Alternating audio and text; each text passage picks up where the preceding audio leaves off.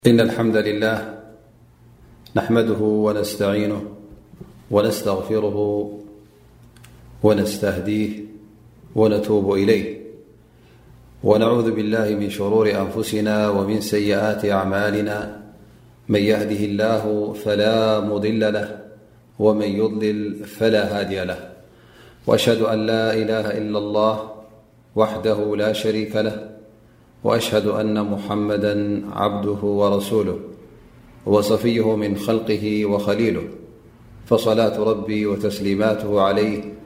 وعلى آله وصحبه ومن سار على نهجه واتبع هداه إلى يوم الدين يا أيها الذين آمنوا اتقوا الله حق تقاته ولا تموتن إلا وأنتم مسلمون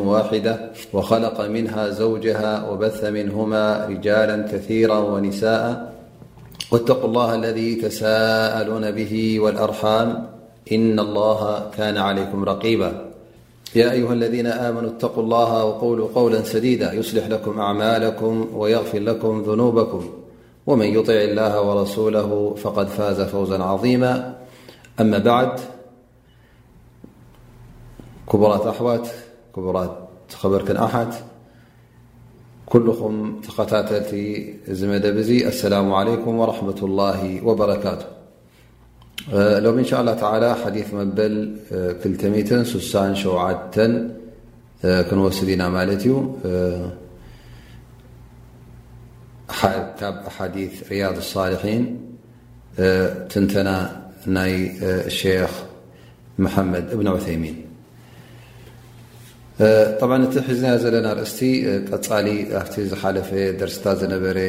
ኣርእስቲ ማለት እዩ እሱ ከዓ ብዛዕባ ነቶም ዘኻትም ይኹን ደቂ ኣንስትዮን ስኡናትን ድኹማትን ድኻታትን ከመይ ጌርካ ፅቡቕ ጌርካ ከም እትሕዞም ፅቡቕ ከም ትገብረሎም ሰናይ ስራሕ ከም ትሰርሓሎም ዘርኢ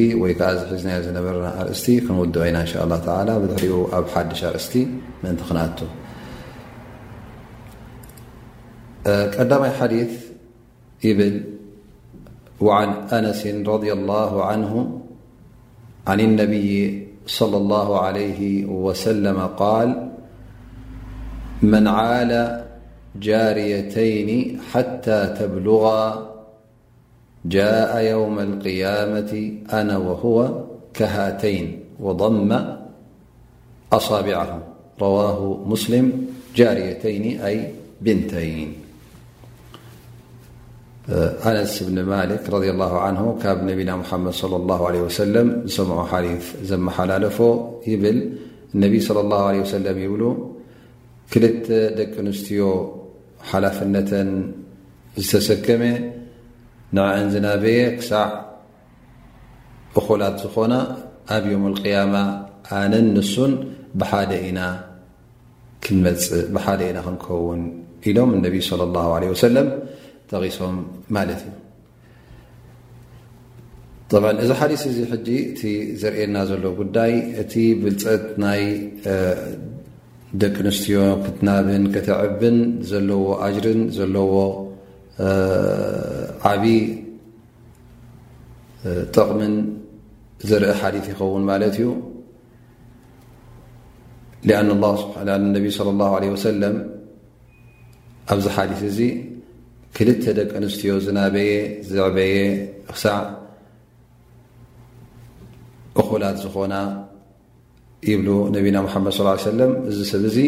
ምሳይ ክኸውን ዩ ዮም ቅያማ ወይ ኣነ ንሱም ብሓደ ኢና ክንመፅእ ብሓደ መስርዕ ማለት እዩ ብ እዚ ሓሪስ እዚ ሕጂ ጓል ንሰይቲ ከምቲ ኩልና ንፈልጥ ከም ወተባዕታይ ሓይልን ክእለትን የብላን ሰብ ውን ምናልባሽ ንጓል ንሰይቲ ዘይግደሰላ ብዝያዳ ኣብቲ ግዜ ናይ ነቢና ሙሓመድ ስ ሰለም ዝነበርዎ ይኹን ብሕጂ እውን እተዳርኢና ብደቂ ኣንስትዮ ዘይግደሱ ብዙሓት ስለ ዘለዉ ምናልባሽ እዛ ሰብ እዚኣ እንታይ ፅባሕ ንግሆ ድ ናብ ሰብኣያ ክትከይድ ዝብል ሓሳብ ገይሩ ኹን ኣቦኣ ካብ ማለት እቲ ዝቕልባን ክናብያን ዘይግደስ ኣሎ ማለት እዩ ከምህራ ዘይግደስ ኣሎ ስለዚ እዚ ጉዳይ እዚ ክንጥንቀቀሉ ማለት እዩ ነቢ ስለ ላ ለ ሰለም ተገዲስና ወላ ጓልሰይቲ ትኹን ተገዲስካ ክትዕብያ ተገዲስካ ክትናብያ እዚ ብዝያዳ ኣጅሪ ከም ዘለዎ እዩ ዘርኢ ዘሎ ማለት እዩ ስለዚ ነቢ صለ ላه ለ ሰለም ክልተ ጃርየተይን ኢሎም ማለት እዩ እነቢ ስ ሰለም ክልተ ክሳዕ ዝዓብያ እንተ ተኸናኺንካየን እንተ ኣዕቢኻየን ኣነቢይ صለ ላه ለ ወሰለም ብጀና ይብስረካ ኣሎ ማለት እዩ እዚ ብስራት እዚ ከዓ ጥራይ ምብሳር ዘይኮነ እንታይ ደኣ ምስ ነቢና ሓመድ صለ ላه ለ ሰለም ብሓደ ተሰሪዕካ ንጀና ክትኣቱ እዩ ዝሕብር ዘሎ ጠብዓ እቲ ምንባይ ማለት እቲ ምዕባይ ማለት እቲ ምሕብሓብ ማለት ኩሉ ዘማልእ ማለት እዩ ንናይ ኣካል ጉዳይ ይኹን ማለትሲ ናይ ምግባን ናይ መስትኣን ናይ ክዳናን ናይ ቦታ ትነብረሉ ትኣትዎ ገዛን እቲ ድቅሰሉ ቦታን እቲ ኣድላይ ኣድላይ ዝኾነ ነዚ ነገራት እዚ ከተማልኣላ ማለት እዩ ኣብ ርእሲኡ እውን እቲ መንፈሳዊ ዝኾነ ናይ ሮሕ ጉዳይ እውን ናይ ትምህርቲ ይኹን ናይ ስነ ስርዓት ምምሃር ናይ ፅቡቕ ነገራት ምፍላጥ ቁርን ከተሕፍዛ ክትዕልማ ከተምህራ ዲና ንኸተፍልጣ እዚ ኩሉ እውን ካብ ምንታይ ዝቁፅር ማለት እዩ ካብቲ ምንባይ ይቁፅር ማለት እዩ ስለዚ እንተ እዚ ከምዚ ኮይኑ ነቢ ለ ላ ሰለም ነዚ ከምዝኣመሰለ ሰብ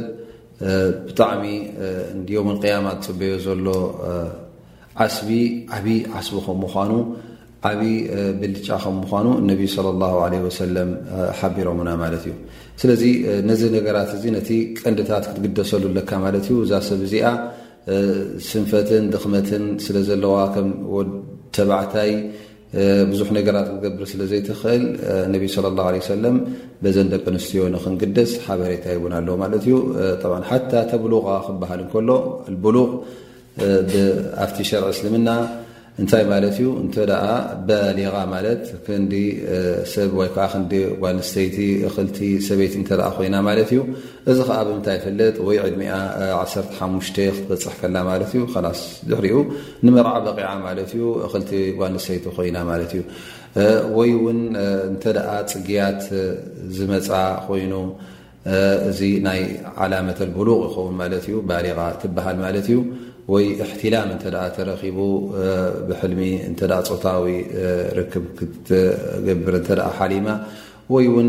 ኣብቲ ወሰናስን ሕፍረታን ብልዒታን እተ ፀጉሪ ብቒሉ እዚ ምልክት ናይ ምንታይ ይኸውን ማለት እዩ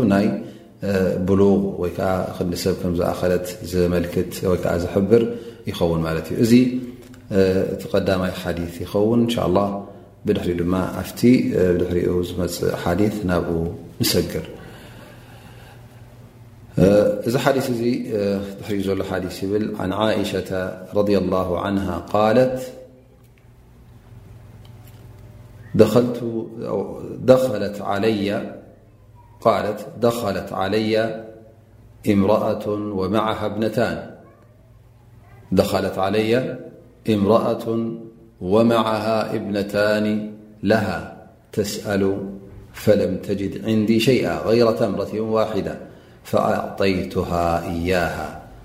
فقسمتها بين ابنتيها ولم تأكل منها ثم قامت فخرجت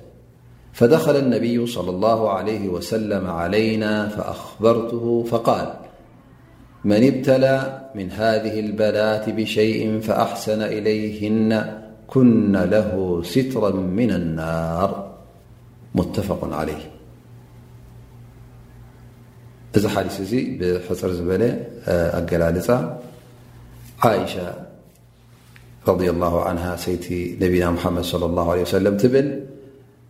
ሓንቲ ሰበይቲ ምስ ክልተ ደቃ ኣዋልዳ ማለት እዩ መፅያ ህኒ እሞ ከዓ ለሚና ካባይ ክትልምን መፅያ ማለት እዩ ኣነ ኣብቲ ገዛይ ወላ ሓንቲ ይረኸብኩን ጥራይ ሓንቲ ተምሪ ረኺበላ ሞኒ ንዓኣ ሂበያ ምስ ሃብክዋ እንታይ ገይራ እዛ ሰብ እዚኣ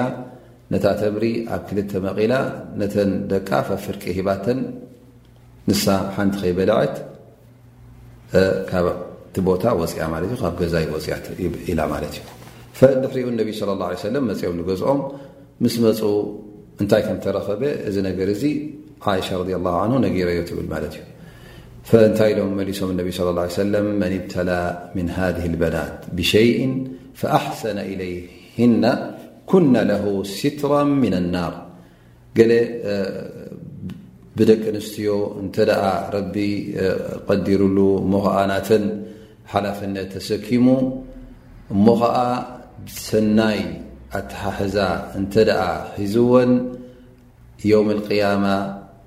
ካብ እሳተ ጀሃነም እየን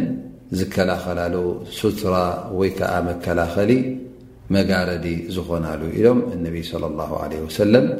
ጠቒሶም ማለት እዩ እዚ ብሕፅር ዝበለ እዚ ሓዲስ እዚ እንሻ ላ ኣብቲ ሰፊሕ ትንተና እውን ክንኣቱ ኢና ጠብ እዛ ዘረባ እዚኣ ወይ ከዓ እዛ ዛንታ እዚኣ ተገርም እያ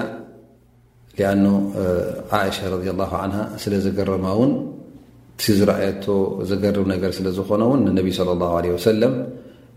ጠቒሳቶ ማለት እዩ ዓእሻ ረድ ላ ዓንሃ እቲ ኩሉ እውን ዘገርም ኮይኑ ክንረኽቦ ኢና ማለት እዩ እዛ ሰብ እዚኣ እዛ ሰበይቲ ክል ኣዋልድ ነረናኣ ናብ መን ትኸይድ ናብ ገዛ ነቢና መሓመድ ስ ሰለም ናብ ዓይሻ ማለት እዩ ነቢ ስ ሰለም ብዙሕ ገዛውቲ ነሮም ኣንስቶም ሓንቲ ካብቲ ገዛውቶም ዓይሻ ዝነበረቶ ማለት እዩ መፅኣ እዛ ሰብ እዚኣ ሕጂ ተምሪ ትልምን ማለት እዩ ስለትበልዑ ነገር ኣይነበራ ንዓ ይኹን ነተን ደቃ ገለ ተረኸበት ኢለኣ መፅኣ ነቢ ስ ሰለም ኣይስእኑን እዮም ኢለ ሓሲባ መፅያ ማለት እዩ ምስ መፀት ምስ ለመነት ሰይድ ሻ ረ ላ ን ሻ ድማ ደልያ ደልያ ገዛ እታይ ኣሎ ሓንቲ እታይ ረኪባ ማለት እዩ ሓንቲ ተምሪ ኪሎ ተምሪ ይኮነ እታይ ሓንቲ ሓንቲ ተምሪያ ተረኪባ ማለት እዩ ምስ ረኸበት ብጀክኣ ስለ ዘይብላ ነታ ዘላታ ትህባ ማለት እዩ ንመን ነዛ ሰብ እዚኣ ተቕብል ኣቢላ መቸም እዛ ሰበይቲ ውን ወሳ ውን ጠምያ ነራ ትኸውን ተንደቃ ጠምያ ላኪን ኩሉ ግዜ ወላዲ ንውላዱ ቀዳምነት ስለ ዝህብ እንታይ ትገብር እዛ ሰብ እዚኣ ነዛ ተምሪ ኣብ ክልተ መቐል ኣቢላ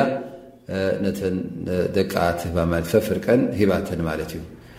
ንዓ ግን ወላ ሓንቲ ኣይወሰደትን ዝበል ዝበልዐቶ እውን የብላን ማለት እዩ ድሕሪኡ ነቢ ስለ ላ ሰለም ምስ መፁ ዓይሻ ረ ላ ን እንታይ ከም ተረኸበ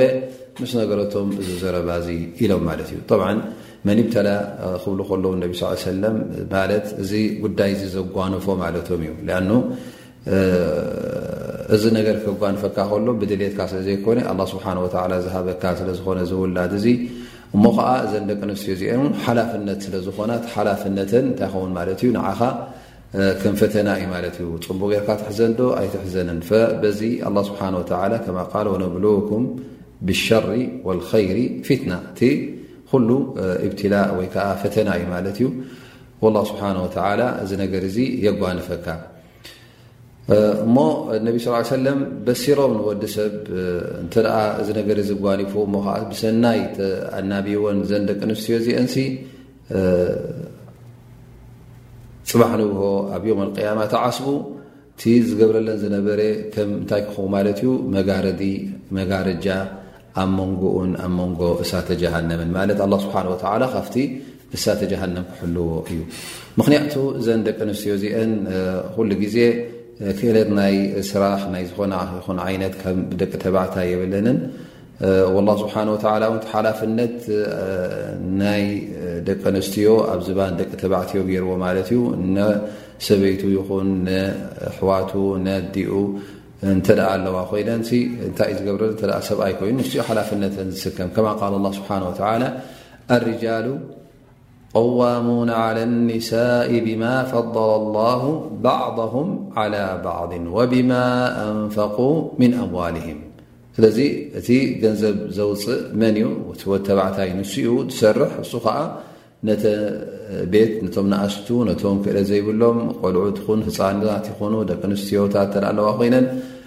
ደቂ ኣንስትዮ እንተ ኣለዋ ኮይነን ንኹሎም ይናብ እዮም ማለት እዩ ጓልሰይቲ እውን ናታ ግደ ኣለዋ እሳ ትሰርሑ ስራሕ እውን ኣለዋ ቀሊል ነገር ኣይኮነን እቲ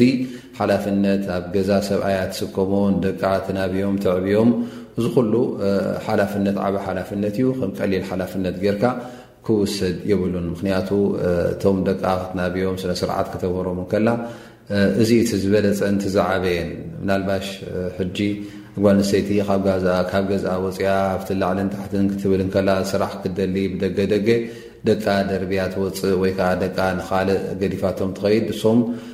ዝርብዮም ወይ ከኣ ዝናብዮም ጽቡቕ ገይሩ ዘምህሮም ውን ጽቡቕ ገይሩ ዝዕልሞም ውን ኣይክረኽቡን እዮም ማለት እዩ ከም ኣዲኦም ዝኸውን ውን የብሎምን ማለት እዩ ስለዚ እቲ ተረኪቡ ዘሎ ምናልባሽ ሕጂ ጓል ሰይቲ ዕድል ናይ ስራሕ ረኪባ ገንዘብ ክተእቱ ትኽእል ኣላ ግን እዚ ከሰረቶን ዝሰኣነቶን ጉዳያት እውን ብዙሕ ክህሉ ይኽእል እዩ ኣብ ርእሲኡ እውን እቲ ደገ ወፅኢካ ምስራሕ እውን ብዙሕ ሽግራት እውን የጓንፈን እዩ ብሓንሳ ምስ ደቂ ተባዕትዮ ኮይነን ገለ ክሰርሓ ከለዋ እዚ ነገር እዚ ሓታ ኣብቲ ሸርዕ እስልምና ብዝያዳ ኣብዚ ግዜና እዚ ሕጃብ ዘይብለን ወይ ከዓ ካብቲ ኣላ ስብሓን ወተዓላ ዝኣዝዞ ሕጃብ ብቐሊል ገይረን ወይ ከዓ ብንኡስ ጉዳይ ገይረን ስለ ዝወሰደኦ ብዙሕ ሽግራት ይርከብ ኣሎ ማለት እዩ ላኪን ዝኾነ ኮይኑ እቲ ሓዲስ ዘርእየና ዘሎ እቲ ሓላፍነት ወዲ ተባዕታይ ከም ጉቡእ ክስከሞ ከም ዘለዎ ማለት እዩ ጠብዓ እቲ ሓደ ሰብ ነቢ ለ ላ ለ ወሰለም ሕጂ ጠቂሶሞ ዘለዉ እዚ ሓላፍነት እዚ ትሰኪምካ ክትስከሙ ከለኻ ሊላ ኢልካ ክትስከሙ ከለኻ ንሰናይ ኢልካ ክትስከሙ ከለኻ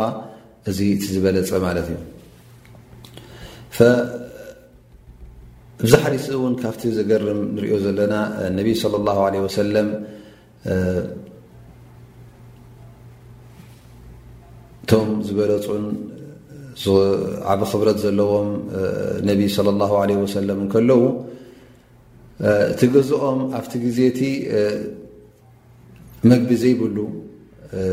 ማለት ስብሓና ላ ዓእሻ ረ ላ ን ደልያ ደልያ ሓንቲ ተምሪ ጥራይ ረኺባ ማለት እዩ ከምቲ ኩላህና ንፈልጦ ውን ሻ ረ ላ ን ወርሒ ዝኸውን ዳርጋ ኣብ ገዛ ነቢና ሓመድ ለ ላ ሰለም እሳት ይኦጎዳ ኣይነበረን ማለት እሳት ኣጒዶም ሲ ንመግቢ ክሰርሕሉ ማለት እዩ እንታይ ደኣ ትበልዑ ነርኩም ዝተባሃለት እንታይ ልዓሻ ኩና ኣስወዳን ማይን ተምርን ንበልዕ ነርና እ እቲ መዲና ዝርከብ ዝነበረ ካልእ ናይ ስጋ ኮይኑ ናይ ካልእ ዓይነት መግብታት ተሰሪሑን ተበሲሉን ዝብላዕ ኩሉ ግዜ ይረኽብዎ ይነበሩን ኣብዚ ግዜ እዚ ነቢ ስለ ላሁ ለ ወሰለም ነቢዮም ነሮም ብዙሕ ነገራት ኣብ ኢዶም ነሩ ግን ነቢ ስለ ላ ለ ወሰለም ካብቲ ህዝቦም ዝያዳ ኣብ ገዝኦም ንኽርከብ ወይ ከዓ ብዝያዳ ናይ ኣዱንያ መጋየፅን ናይ ኣዱንያ ነገራትን ንኽእክቡ ደስ ብሎም ኣይነበረን ነዚ ኢሎም እውን ኣይመፁን ስለዚ እቲ ዝመፆም ዝነበረ ሃብትን ዝመፅእ ዝነበረ ማልን ንብረትን እንተ ኮይኑ እነቢ ስ ሰለም ኣብ ገዝኦም እውን የሕድሮ ኣይነበሩን እንታይ ደኣ ነቲ እስላማይ ኩሉ ይውዝዑሉን ይህብዎን እዮም ነይሮም ማለት እዩ ፈኣሽረፈ ልብዩት ዝበለፀ ገዛውቲ ኣብ መዲና ዝነበረ ዩ ኣሓብ ኒሳ እታ ዝበለፀት እታ ፍትውቲ ሰበይቲ ናይ ነቢና ሓመድ ስ ሰለ ዝነበረት ዓይሻ ኣብ ገዝኣ እዚ ነገር እዚ ይርከብ ኣይነበረን ያነልሲ መግቢ መሊኡ እዩ ወይ ከዓ ድላይ ካብ መግቢ ዝርከቦ እንዳነጋውስ ሕጂ ነቢ ስ ሰለ ዝቦትኦም ዝነበረ ካብ ንጉስ ዝያዳ ብልፀት እዩ ነይርዎም ላን ነጋውስ ኣብዚ ግዜና ዘለውን ወይ እንታይ ነጋውስ ኣ ወላ ንሕና እተ ኣርእናዮ ትረኪብናዮ ዘለና ሽሻይን ንዕማን ኣብቲ ግዜ ነቢና ሙሓመድ ለ ላ ለ ወሰለም እቲ ኣስሓብ ነቢ ዘይረኽብዎ ዝነበሩ ሎ መዓልቲ ክትቆርስ እተ ኮይኑ ሰለስተ ኣርባዕተ ሓሙሽተ ዓይነት ገርካ ትበልዕ ክትምሳዕ እተ ኮይኑ ከምኡ ክትድረር ከምኡ እዚ ናይ ዱንያ ነገር ንዓና ተኸፊቱልና ንረኽቦ ሃል ንሕናስ ካብ ነቢና ሙሓመድ ስ ሰለም ወይ ከዓ ካብቶም ሰሓበት ነቢ ብፆት ነቢና ሓመድ ስ ሰለም ካብኦም በሊፅና ዶ ይመስለኩም ኣይኮነን ካብኦም ኣይበለፅናን ላኪን ኣላ ስብሓን ወተላ ከምቲ ዝበልዎ ወደብልኩም ብልከይሪ ወሸሪ ፊትና ኩሉ እብትላ እዩ እቶም ብፆት ነቢና ሓመድ ለ ላ ሰለም እቲ ናይ ሕፅረት ናይ ኣዱንያ ወሪድዎም ዝነበረ እዚ ነገር እዚ እዚ ሕፅረት እዚ ወሪድዎም ዝነበረ እብትላእ እዩ ነሩ ንኦም ፈተና እዩ ነሩ ንሕና ድማ ኣ ስብሓ ወላ በቲ ሎም መዓልቲ በቲ ሕጂ ንረኽቦ ዘለና ንሪኦ ዘለና ናይ ሽሻይ ኣብ ፈቐድኡ ተኸስኪሱ ንረኽቦ ዘለና እዚ ንዓና እውን ነመስግንዶ ኣይነመስግንን ኣላ ስብሓ ወተላ ኣብ መርመራን ኣብ ፈተናን እዩ ኣእትዩና ዘሎ ማለት እዩ ብዝያዳ እዚ ተረኪቡ ዘሎ ሰብ ውን በዚ ንዕማም በዚ ሽሻይ ሕማቕ ነገራት ናብኡ ዝወድቕ ሰብ ውን ብዙሕ እዩ ማለት እዩ እዚ ሽሻይ ረኪቡ ብኡ ትዕቢት ተሰሚዕዎ ብኡ ፀጊቡ ውን ከድላዩ ንክገብር ወይ ከዓ ኣንዳዕዲዑ ክፈሳድ ክገብር ረቢ ዘይፈትዎ ስራሕ ንክሰርሕ ይርከብ ኣሎ ማለት እዩ ኩሉ ግዜ እቲ ሃብቲ እንተ በዚሑ ፅጋብ እተ በዚሑ መገዲ ከም ዘጋግየካ ኩላህና ክንርስዕ የብልናን ከምኡ ውን ካብዚ ኣብዚ ሓዲስ ዝረኣናዮ እቶም ብፆት ነቢና ሓመድ ስ ለም እቶም ሰሓበት ነቢ ዝኾነ ይኹን ነገር እንተ ካብኦም ዝሰኣነን ዝደኸመን ዝሰነፈን እተ ሪኦም ንዑ ንክሕግዙ ብዝከኣሎም መጠን ወላ ውን ነብሶም ከይበሉ ነብሶም ገዲፎም ንዑ እዮም ዓእሻ ረድ ላ ዓን ሕጂ ኣብቲ ገዛ ወል ሓንቲ የለን እታ ተረኸብ እታ ዝርካባ ሓንቲ ተምሪያ ነይራ እሞ እዚኣስ ንዓይ ትኾነኒ ኢላ ኣይሓዘታን እንታይ ደኣ እታ ዘላ ንዓ ምሉእ ገንዛባ ማለት እያ ምሉእ እቲ ንብረት ኣብቲ ገዛ ወይ ከዓ ምሉእ እቲ መግቢ ኣብቲ ገዛ ዘሎ ነዛ መስኪን እዚኣ ምስ ለመነታ ሂባታ ማለት እዩ ወሊኦም ሎም መዓልቲ ንሕና ምስዚ ኩሉ ረኪብናዮ ዘለና ገንዘብን ሃብትን እንተ ሰደቃ ወይ ከዓ እንተ ናይ ሊላህ ኣውፅእ ኢሎምኻ ብጣዕሚ ፀላዕላዕ ይብለና ማለት እዩ ከነውፅእ እውን ኣይንደልን እዚ እቲ ንሕና እቲ ትረኪብናዮ ዘለና ሽሻይ እናረኣናዮ ከልና ክንዲ ዝያዳ ኣልሓምዱሊላ ኢልና ንጎይታ ንኣላ ስብሓን ወተላ ኣመስጊና ንህብ እንታይ ይገብር ማለት እዩ ብዝያዳ ንበቅቕ ኣለና ማለት እዩ ኩሉማት ረቢ ርዝቂ ክውሰዓልካ ከሎ ክንትግቡእ እንታይ ክትገብር ርካ ስኻ ውን ክትህብ ኢኻ ኣንፊቅ ዮንፊቅ ላ ዓለይክ ኣውፅእ ኢኻ ኣ ስብሓን ወላ ክበካ ላኪን ቲ ዝርከብ ኩሉ ግዜ እንተ ርእናዮ ዝያዳ እናሃፍተመ ከይትከሉ ሓደ ሰብ ዝያዳ ነዛ ዱንያ እናነኸሳን እና ጨበጣን ክኸይድ ኢኻ ትረኽቦ ማለት እዩ እቲ ቁርብ ሒደት ዘለዎ ገንዘብ ምናልባሽ ካብቲ ሃፍታም ካብቲ ብዙሕ ዘለዎ ገንዘብ ካብኡ ክሓይሽ ትረኽቦ ማለት እዩ ጠብ ካብቲ ፋይዳ እውን ኣብዚ ጠብ ንሪኦ ዘለና ኣላ ስብሓን ወተላ እቲ ርዝቂ ንሱ እዩ ዝመቕሎ ማለት እዩ ሰብ ኣይኮነን ዝመቕሎ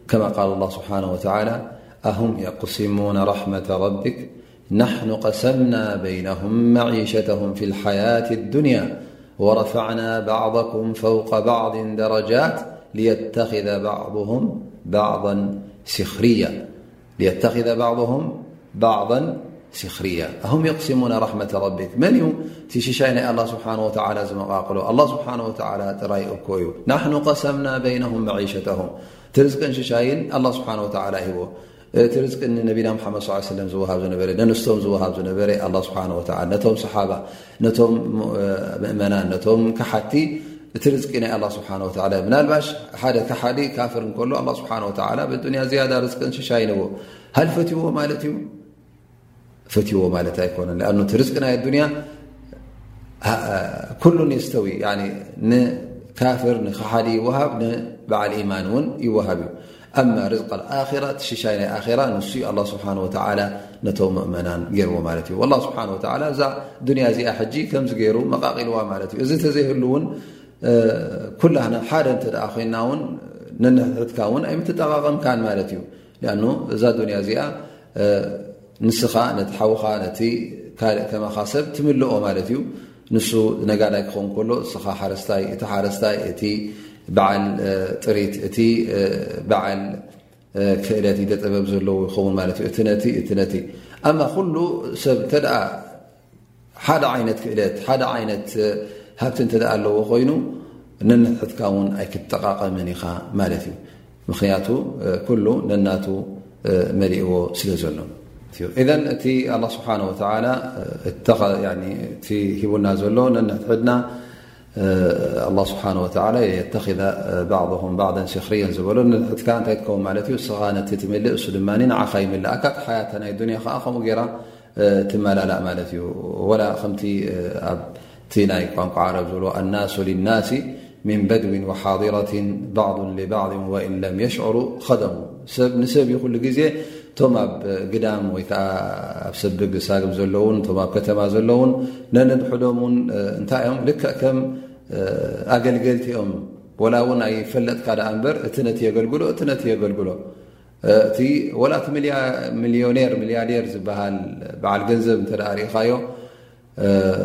ምእንቲ ንኽረክብ ኢሉ ህፍትም ኢሉ ገንዘብ ንግዱ ንኸለሉ ኢሉ ኣቕሓ ካብ ኣክረ ዱንያ ካብ መጨረሻ ዓለም ሰኪሙልካ ብገንዘቡ የምፃልካ ማለት እዩ ንስኻ ትገዝእ ማለት እዩ እዚ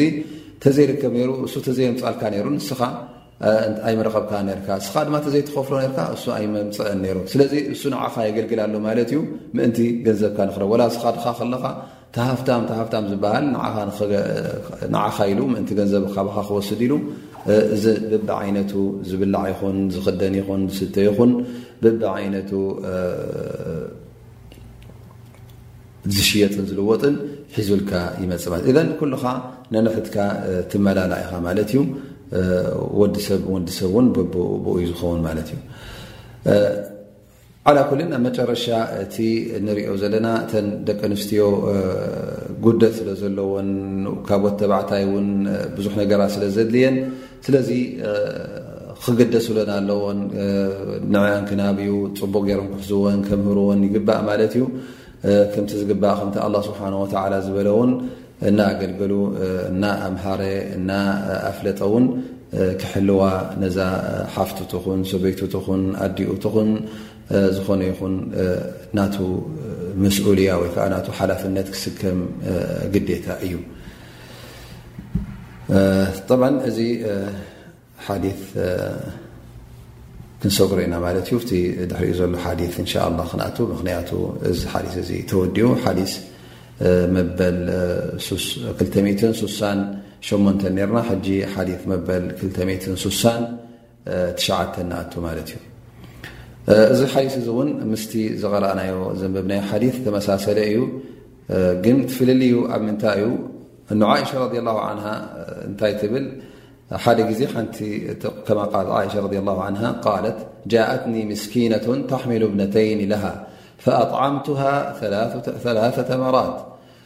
فأعطت كل واحدة منهما تمرة ورفعت إلى فيها تمرة لتأكلها فاستطعمتها ابنتاها فشقت التمرة التي كانت تريد أن تأكلها بينهما فأعجبني شأنها فذكرت الذي صنعت لرسول الله صلى الله عليه وسلم فقال إن الله قد أوجب لها بها الجنة ኣው ኣዕተቀሃ ብሃ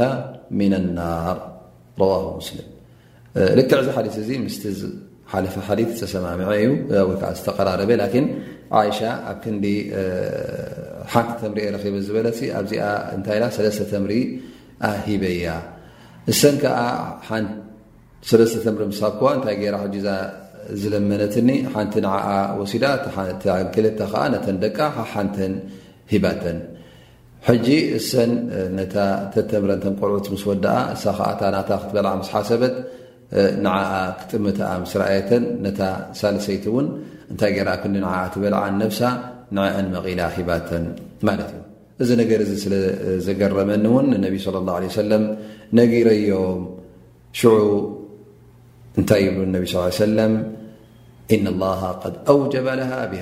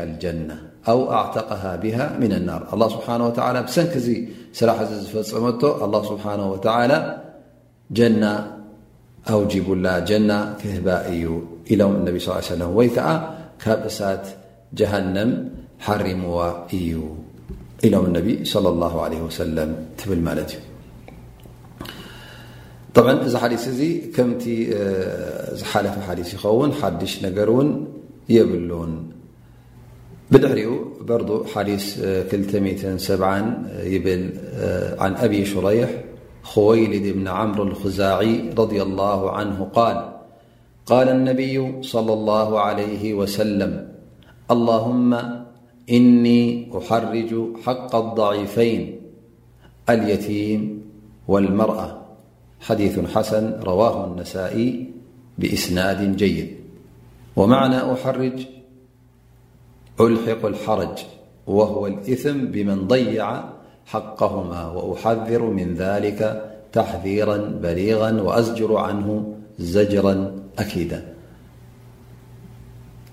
عله سلم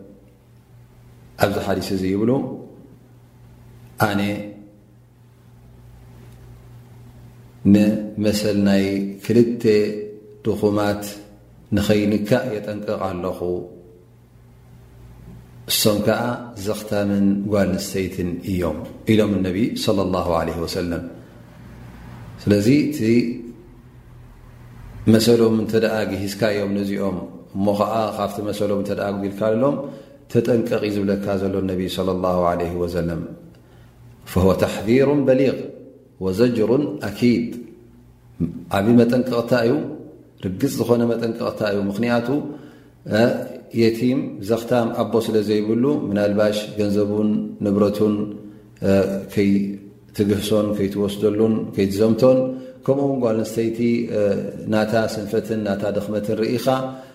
ሓይልኻ ተጠቒምካ ማላን ገንዘባን ንብረታን ምእንቲ ከይትዝርፋ እነሀ እነቢ صለ ላሁ ለ ወሰለም የጠንቅቑኻ ኣለዉ ማለት እዩ ሓይልኻ ክዓጅበካ የብሉን ክእለትካን ፍልጠትካን ብልፀትካን ክዓጅበካ የብሉን እሞ እዞም ድኹማት እዮም ትብሎም እዞም ስኡናት እዮም እዞም ከራኽቦለይ ኣይክእሉን እዮም ትብሎም ካብኦም ኣላ ስብሓን ወተላ እየጠንቀቐካ ኣሎ ማለት እዩ ምክንያቱ እሱ ኣላ ስብሓን ወተላ ሕኒኦም ክፈድየሎም ስለ ዝኾነ እዚ ሓዲስ መበል 270 ብድሕሪኡ ከዓ ሓዲስ መበል 271 ይብል ን ሙስዓብ እብኒ ሰዓድ እብኒ ኣብ ወቃስ ረ ላ ዓንሁማ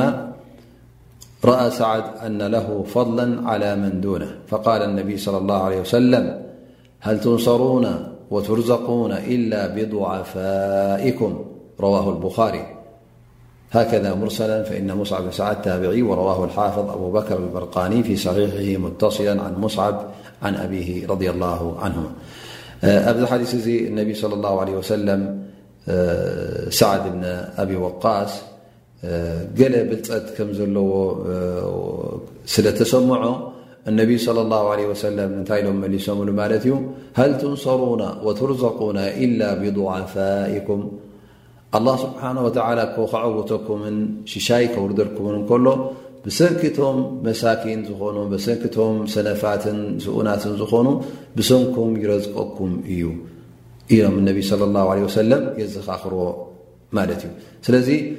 እንተ ክእለት ሃብቲ እተ ስልጣን ዘለዎ ሰብ እተ ኮይኑ ክጥንቀቕ ኣለዎ ማለት እዩ እቲ ዝረኽቦ ዘሎ ሽሻይን ርዝቅንሲ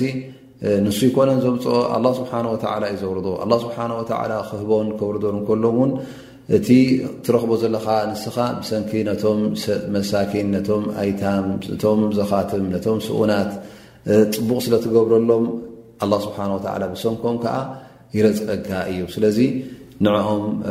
ክተስተናእሶም ወይ ከዓ ንዕኦም ብሕማቅ ኣረኣእያ እውን ክትሪኦም የብልካን ሓዲ ድሕሪኡ ሓዲ 272 ይመፅ ማለት እዩ ን ኣብ ደርዳእ ዑወይምር ረ ላ ን ቃል سمعت رسول الله صلى الله عليه وسلم يقول أبغوني في الضعفاء فإنما تنصرون وترزقون بضعفائكم ትንሰሩና ወትርዘቁና ብضዓፋኩም እዚ ሓዲስ እዚ እውን ልክዕ ከምቲ ዝሓለፈ ሓዲስ ማለት እዩ እቶም ሰነፋትን እቶም ስኡናትን እቶም ክእለትን ሓይልን ዘይብሎም ብሰንኮም ኣላ ስብሓን ወተላ ንኩሉ ርዝቂ ከም ዘውርድ ሽሻይ ከም ዘውርድ የርእየና ማለት እዩ ዝኾነ ኮይኑ እዘን ሕፅር ሕፅር ዝበለት እንተና ዝሃብናየን ኣሓዲ ኩለን እንተ ርእናየን ኣብ ምንታይን ፀቕጣ ዘለዋ ማለት እዩ ናየን ዘረጋግፃ ዘለዋ ነቲ መስኪንን ነቲ ዘኽታምን ነተን ደቂ ኣንስትዮ ኩሎም ብፅቡቕ ጌርካ ክትሕዞም ፅቡቕ ጌርካ ክትናብዮም ፅቡቕ ጌርካ ክትሕብሕቦም ማለት እዩ እንተ ብዝያዳ ኣብ ትሕትኻ ኣለዎ ኮይኖም ማለት እዩ ደቂ ኣንስትዮ እተ ኣብ ትሕትኻ ኣለዋ ኮይነን ኣሕዋትካን ደቅኻን ኣንስትኻን እዚአን ፅቡቅ ጌርካ ክትሕዘም ብፅቡቅ ጌርካ ክትናብዮም ኣጅሪ ንክትረክብ ኢልካ ክትስርሕ ኣለካ ክትጠቕሞም ኣለካ ማለት እዩ ከምኡ ውን እንተ ደኣ ርኢና ጠብ ሸፈቓ ናይ ኣደ ኩሉ ግዜ ዓብ ከም ዝኾነ እዛ ኣደ እዚኣ ዝረኣናያ ሕጂ ነተን ደቃ ንነብሳ ገዲፋ ቀዳምነት ነተን ደቃ ሂባ እሞ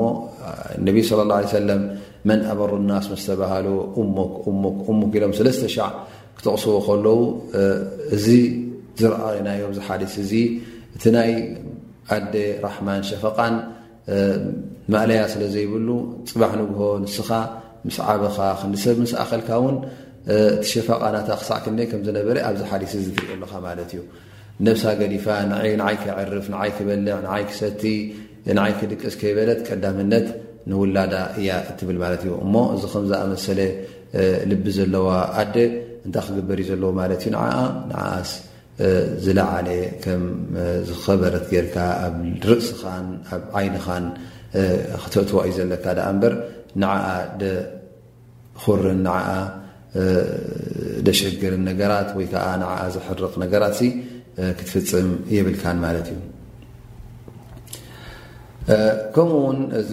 ሓዲስ ኩሉ ከም ዝበልናዮ እቶም መሳኪንን እቶም ስኡናትን ዝበልናዮም እሶም ገዛእ ርእሶም ሰበብ ናይ ዓወት ሰበብ ናይ ርዝቂ ከም ምዃኑ እውን ክንርዳእ ኣለና ማለት እዩ እስኻ ንሓደ ሰብ ነፈቃ ክትቦ ከለኻ ሊላ ህልካ ክትቦ ከለኻ ብሰንኩ ኣላ ስብሓን ወተላ ይረዝቀካ ማለት እዩ ነቲ ዘኽታም ነቲ መስኪን ነቲ ስኡን ንስኻ ክትርሕመሉ ከለኻ ራሕማ ናይ ረቢ ድማ ብሰንኮም ይወርደልካ ማለት እዩ